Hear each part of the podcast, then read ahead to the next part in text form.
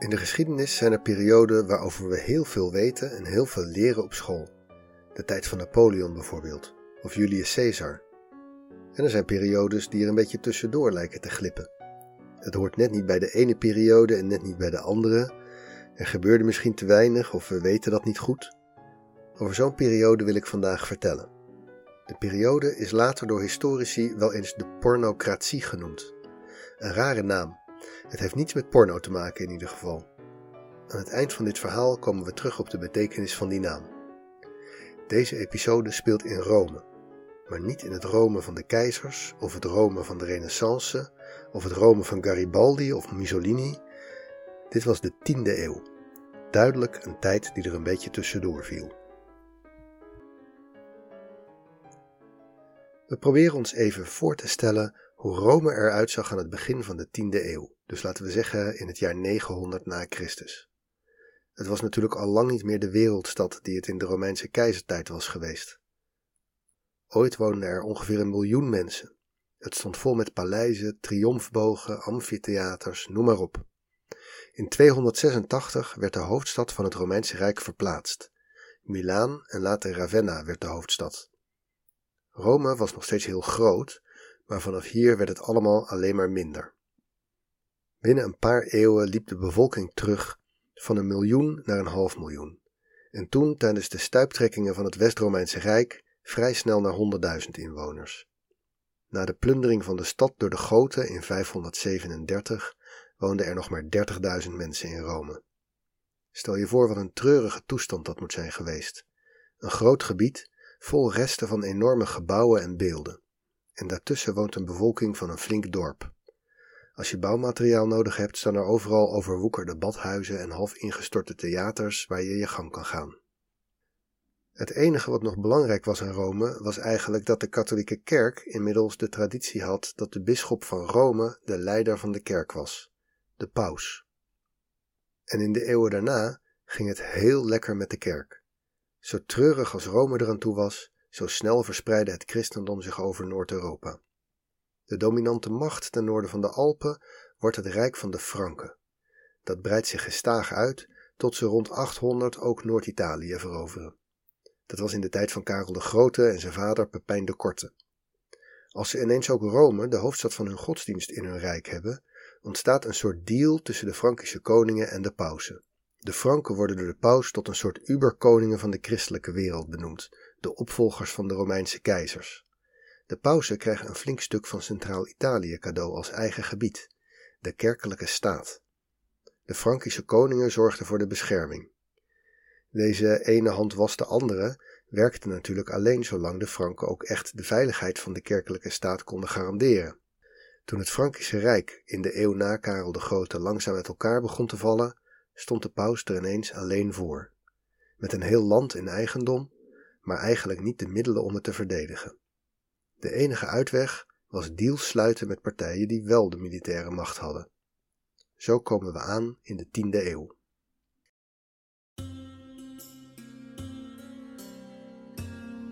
Even een stap achteruit. Hoe zag Europa eruit in die 10e eeuw? De grootste en machtigste stad ter wereld in die tijd was met afstand Bagdad. Ook de zuidkant van Europa was islamitisch. In de 7e en 8e eeuw hadden de Arabieren met hun nieuwe heilige boek in de hand in vrij korte tijd het Midden-Oosten, Perzië en Noord-Afrika veroverd.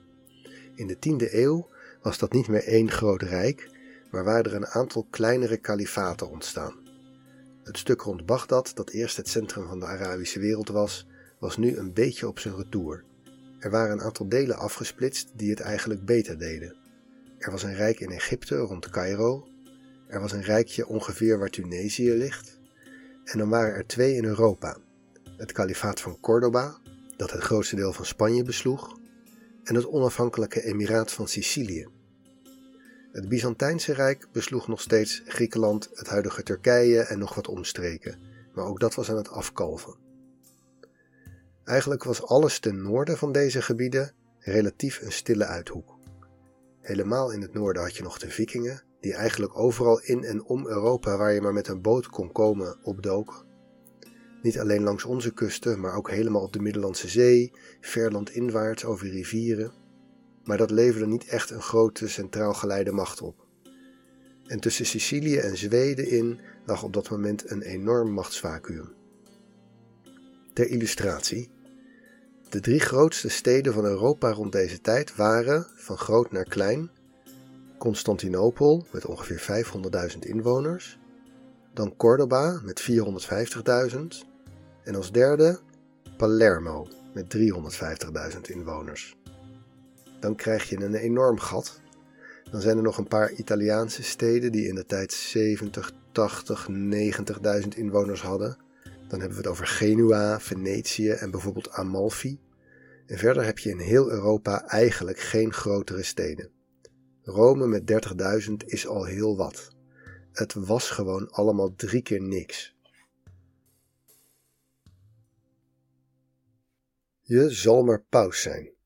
Je bent zogenaamd de baas over een heel land, zo'n beetje de helft van Nederland, aan de rand van de christelijke wereld. De Saracenen wonen om de hoek. Je bent bisschop tussen de bouwvallige resten van een voormalige wereldstad.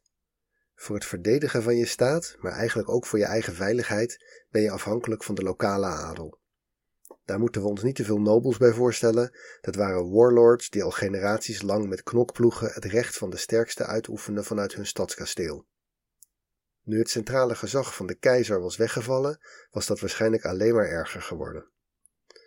Rond het jaar 900 was de familie Crescenti, de graven van Tusculum, zo'n beetje de baas in Rome.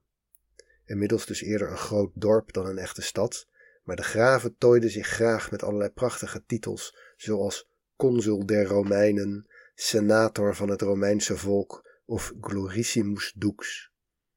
En deze familie specialiseerde zich er op een gegeven moment in om het pausdom volledig onder controle te hebben.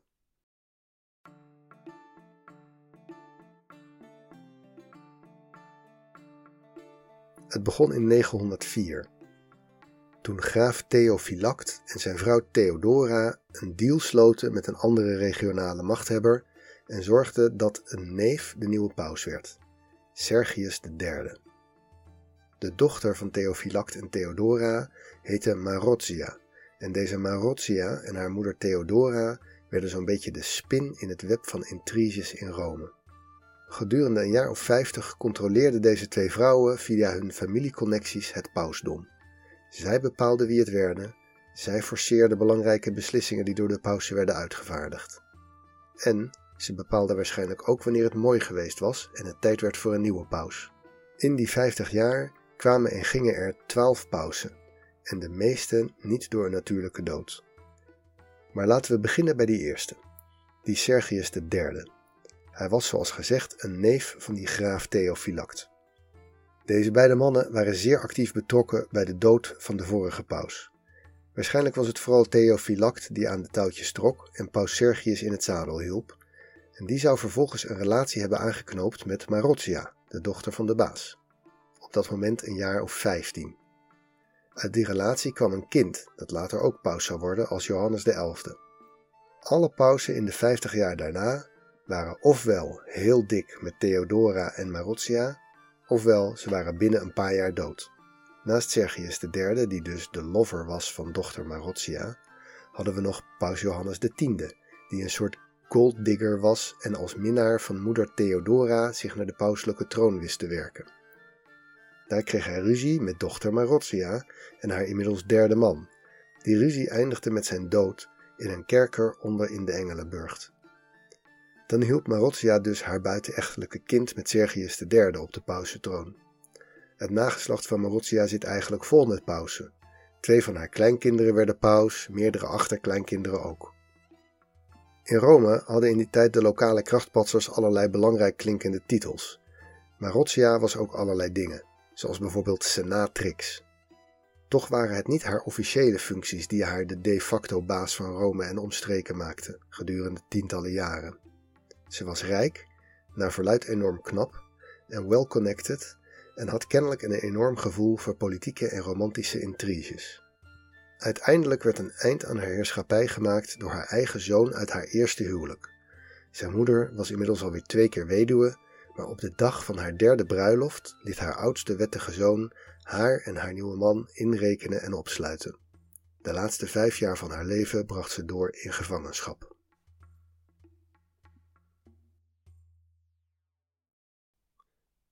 Deze periode, waarin twee vrouwen feitelijk de baas waren over Rome en dus het pausdom, wordt gezien als het ultieme dieptepunt van de integriteit van de kerk. Dat al die pausen maar relaties en kinderen hadden, was op zich niet echt tegen de regels van die tijd, want het celibaat werd pas later ingevoerd, maar erg chic werd het ook niet gevonden. En dan gecombineerd met het feit dat de dienst in de kerk werd uitgemaakt door een door en door corrupte kliek van lokale machthebbers, dat gaf deze tijd de naam Saeculum Obscurum, oftewel de donkere tijd. Een andere naam die wel wordt gebruikt is de pornocratie, wat niet met porno te maken heeft, maar zoiets betekent als bestuur door hoeren. Is dat nou terecht? Was het echt zo erg? Daar wordt tegenwoordig wel wat genuanceerder over gedacht.